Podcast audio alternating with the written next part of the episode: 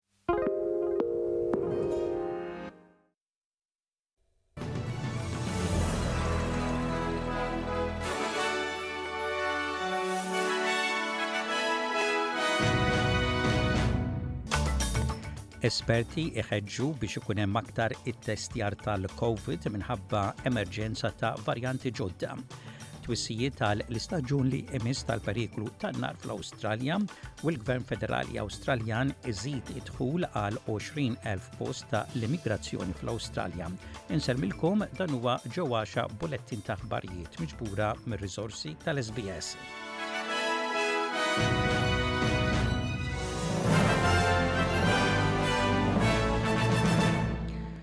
Esperti qegħdin iħeġġu biex ikun hemm aktar ittestjar tal-Covid minħabba l-emerġenza ta' varjanti ġodda. Il-varjant ġdid bl-isem Aeris huwa trasformazzjoni ta' l-Omicron u l-effetti tiegħu huma simili. Instab f'51 pajjiż inkluża l-Awstralja, iċ-Ċina, il-Korea, il-Ġappun u l-Kanada. L-epidimoloġista Maria Van Kerkhove mill-Organizzazzjoni Dinjija tas-Saħħa tgħid li nofs id-dinja biss qiegħda tittestja għall-virus. For EG.5, we see that it has an increased growth rate, which means it's more transmissible because of that growth rate increase and its immune escape, so people are going to get infected. We see a similar level of severity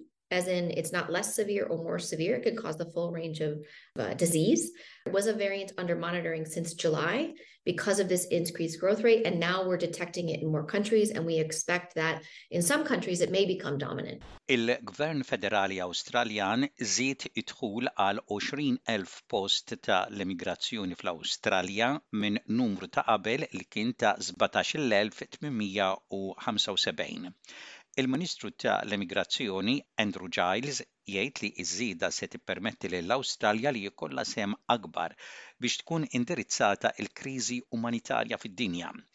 Id-dħul ta' nies fl-Awstralja fuq bażi umanitarja kien tnaqqas minn Tony Abbott fis-sena 2014 li dak iż-żmien kien Prim Ministru imma bil-mod in-numru kompla jiżdied minn dak iż-żmien. Minkejja l-bidla, il-Ministru ta' l-Immigrazzjoni jgħid li l-politika dwar il-protezzjoni tal-fruntieri fl-Awstralja tibqa' l-istess. Yanana Agha hija l-Manager Ġenerali mis-Servizzi Internazzjonali ta' l-Issettiljar. Hija tgħid li din l-aħbar hija waħda importanti. This is uh, very, uh, very important for refugees. Uh, as you know, we, we are living through history with more than 2 million refugees around the world in need of resettlement this year alone. So uh, this increase shows that the government um, is making commitment to doing, uh, or this is part of our commitment to do our part as global citizens to help ease the crisis and assist those facing forced displacement. Il-Gvernatur tar-Reserve Bank, Philip Lowe, li se jispiċċa mill-kariga tiegħu, ikkonferma li ż-żieda tal-qgħad fl-Awstralja tgħin fit-tnaqqis tal-inflazzjoni. Dan wara li Philip Lowe deher quddiem konferenza parlamentari fejn kien mistoqsi dwar id-deċiżjonijiet tiegħu li jżid ir-rati tal-imgħax. Il-Partit tal-Ħodor ipproponew li jkun hemm Iffriżar fil-prezzijiet tal-kera. Il-Prim Ministru Anthony Albanese jgħid li l-iffriżar tal-prezzijiet tal-kera huwa barra s-setgħat tal-Gvern Federali. Waqt li kien qed jindirizza Kumitat tal-Affarijiet Ekonomiċi fil-Parlament Federali għall-aħħar darba qabel iħalli l-kariga tiegħu, il-Gvernatur tar-Reserve Bank jgħid li jaf li n-nies fl-Awstralja qegħdin isibuha diffiċli ħafna bħalissa biex ilaħħqu ma' l-ispejjeż tal-ħajja. Everybody's hurting. because high inflation is eroding people's real incomes. You see measures of consumer sentiment at the moment, they're very low, and they're low even for people who own their house outright, who don't have a mortgage. Why is that? Because high inflation is eating away everyone's real income. dik li qabel kienet is-Sindku tal-Inħawi fl-Istat ta' Victoria li inqerdu min-nirien f'dak li baqa' magħruf bħala Black Saturday tgħid li l-kundizzjonijiet preżenti li jwasslu għal l-istaġun li jmiss tal-periklu tan-nar huma agħar minn kif kienu qabel in-nirien tas-sena 2009. Lynn Gunter kienet is-Sindku tal-Muniċipalità ta' Murun Dindi u qalet lil 3IW li il-periklu li jaqbad in-nar huwa immens. There is a lot more undergrowth that's there. Added to that, the trees that died have fallen down, making more fuel loads. We just don't seem to learn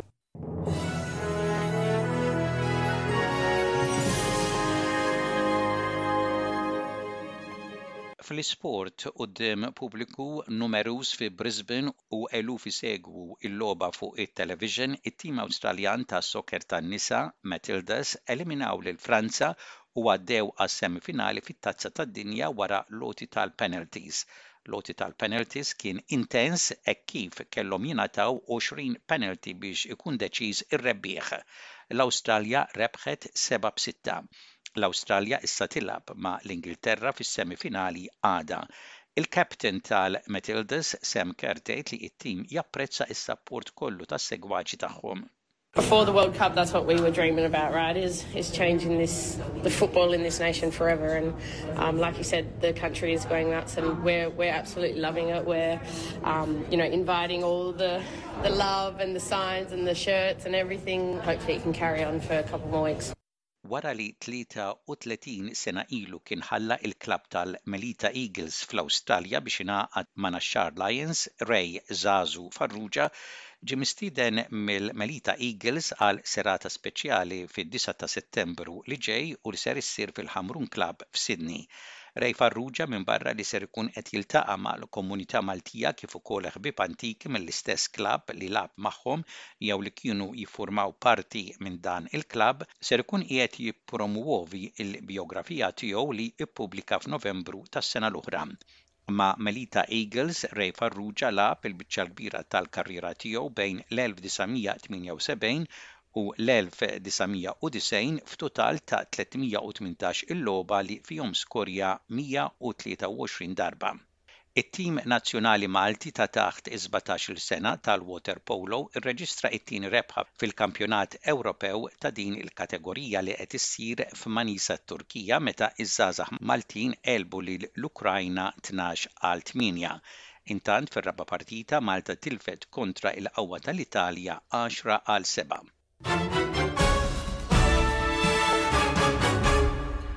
U intemmu dan il-bulettin ta' ħbarijiet bħarsa lejn ir-rapport ta' temp ħalbit ta' xita mistennija f'Perth, f'Wolongong, f'Sydney u fi Newcastle, temp il-biċċa l-bira xemxi f'Adelaide, f'Cairns u f'Darwin u temp daqsxejn msaħħab mistenni f'Melbourne, f'Hobart u fi Brisbane.